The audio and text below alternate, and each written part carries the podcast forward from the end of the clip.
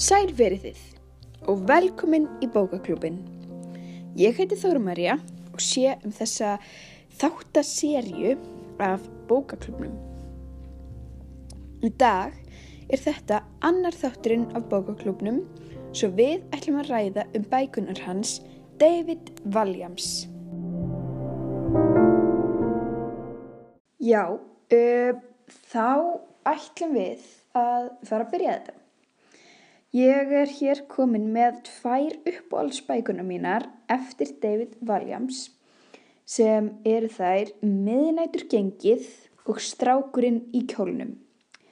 Ótrúlega skemmtilega bækur og já, mæli klárlega með þeim ef þið hafið ekki lesið þær. Þetta eru bækur fyrir börn, af því að David Walliams skrifar mest bækur bara fyrir börn. Þannig að, já, En þetta er í rauninni fyrir börn á öllum aldri. Þetta er bæði fyrir, þú veist, 6 ára krakka og jæmt sem 12 ára krakka. Þannig að þetta, já, þetta er alveg, þetta er alveg mjög svona mikill aldursópur sem getur lesið þessa bækur. Uh, já, og þannig eru eiginlega flestar bækunar eftir hann David Williams. En ef við byrjum hérna að taka miðnæturgengið sem dæmi, þá, uh, já, þá er hún rosalega bæði hjartnæm og á sama tíma fyndin bók. Þannig að uh, hún fjekk mann svolítið til þess að hugsa þegar maður var búin að lesa hana. Þá fór maður svolítið að hugsa út í það hvað maður var heppin og svona með sitt uh, líf og, og, og svoleiðis. Af því að þetta gerist, um, þetta er um börn sem er á spítala og þá, já, þá getur stundum verið svolítið, þú veist, einn þeirra er alveg fárveik og já, er valla neitt búin að fá að fara heim og já, þetta læti mann svolítið fara að hugsa, sko, þessi bók og um, já, alls konar.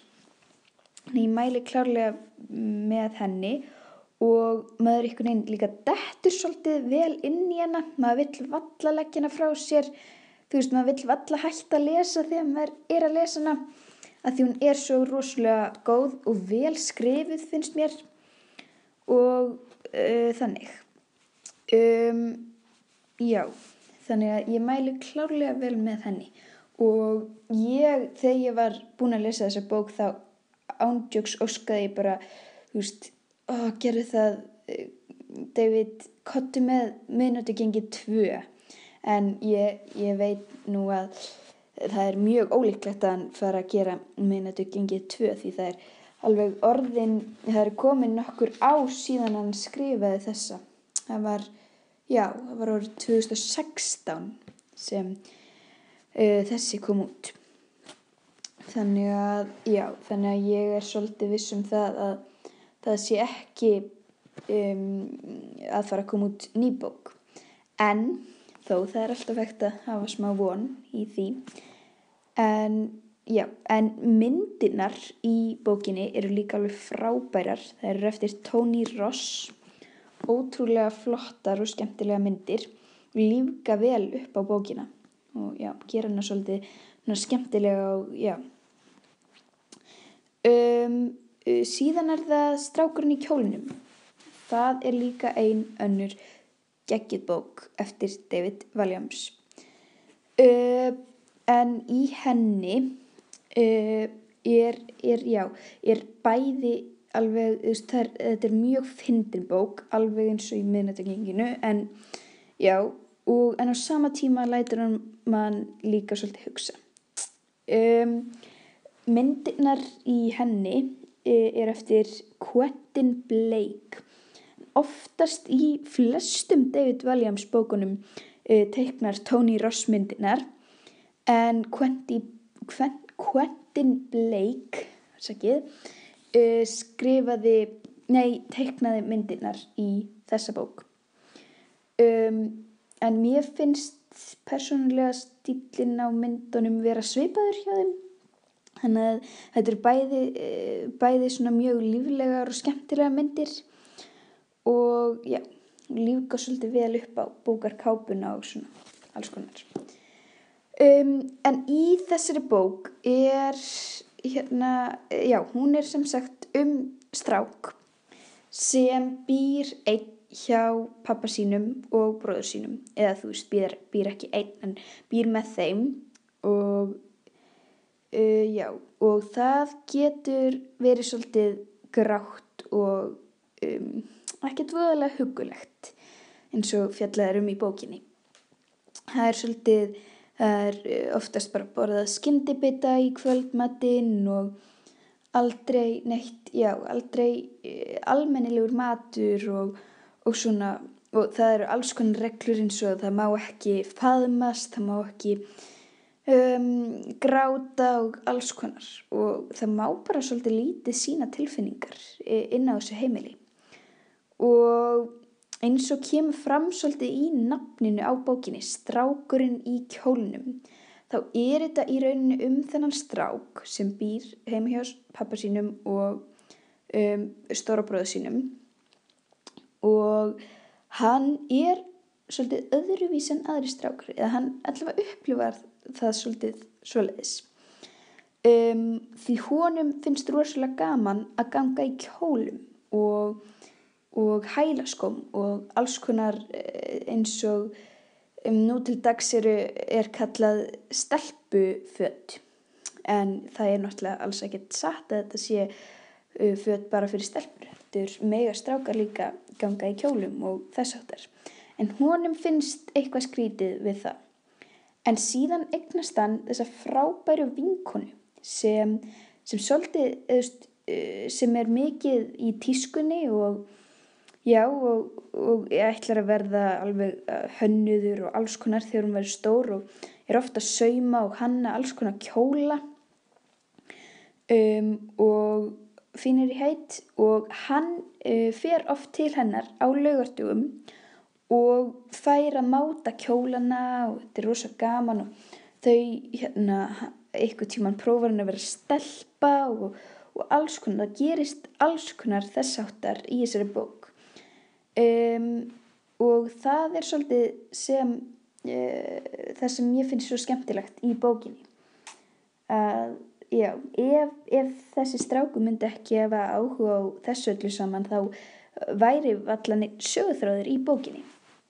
Þannig að þetta er, já og síðan gerist alls konar þar í mittiltíðinni en ég ætlaði að lesa upp úr bókinni fyrir ykkur til þess að sína svolítið svona munin á því hvað heimiliðans um, um, sögupersonunar sem heitir Dennis er, er allt öðruvísi heldur en heimileganar Lísu sem er vinkona hans Dennis aðal personunar og hann er að koma hérna inn í húsið hennar Lísu í fyrsta skipti.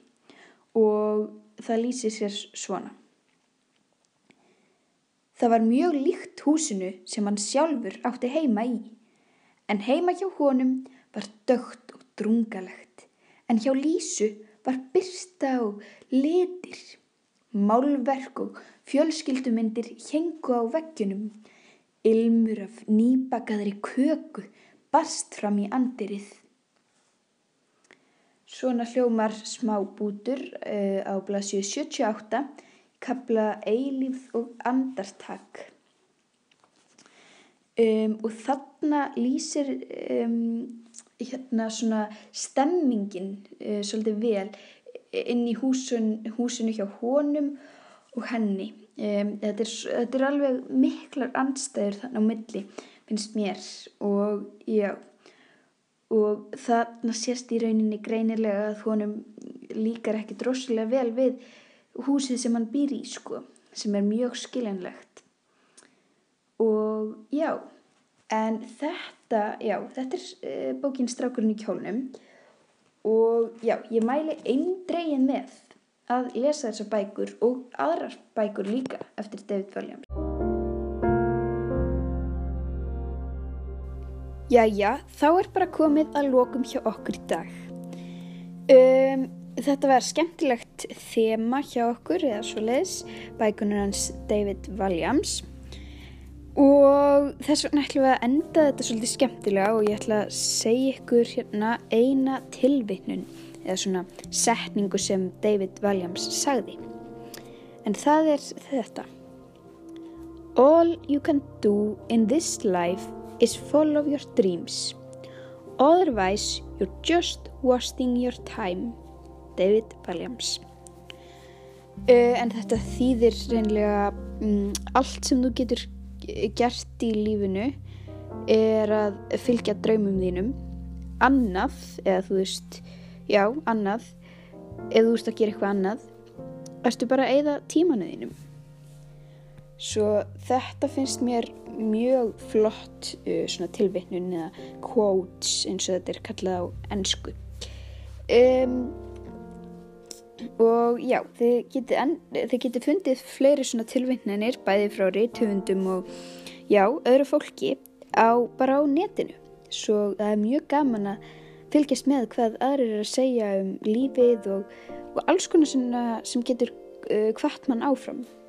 Þannig að já, þetta er mjög, mjög skemmtilegt og mér finnst þessi tilvittnin eða setning uh, hjá David Williams mjög flott og, og alveg, já, æðisleg en Um, þá segjum við það bara svo leiðis. Ég hvet ykkur eindrið með að lesa fleiri bækur eftir David Walliams uh, og kynast því svolítið. Uh, en annars bara kæra þakki fyrir að hlusta og hafið það gott.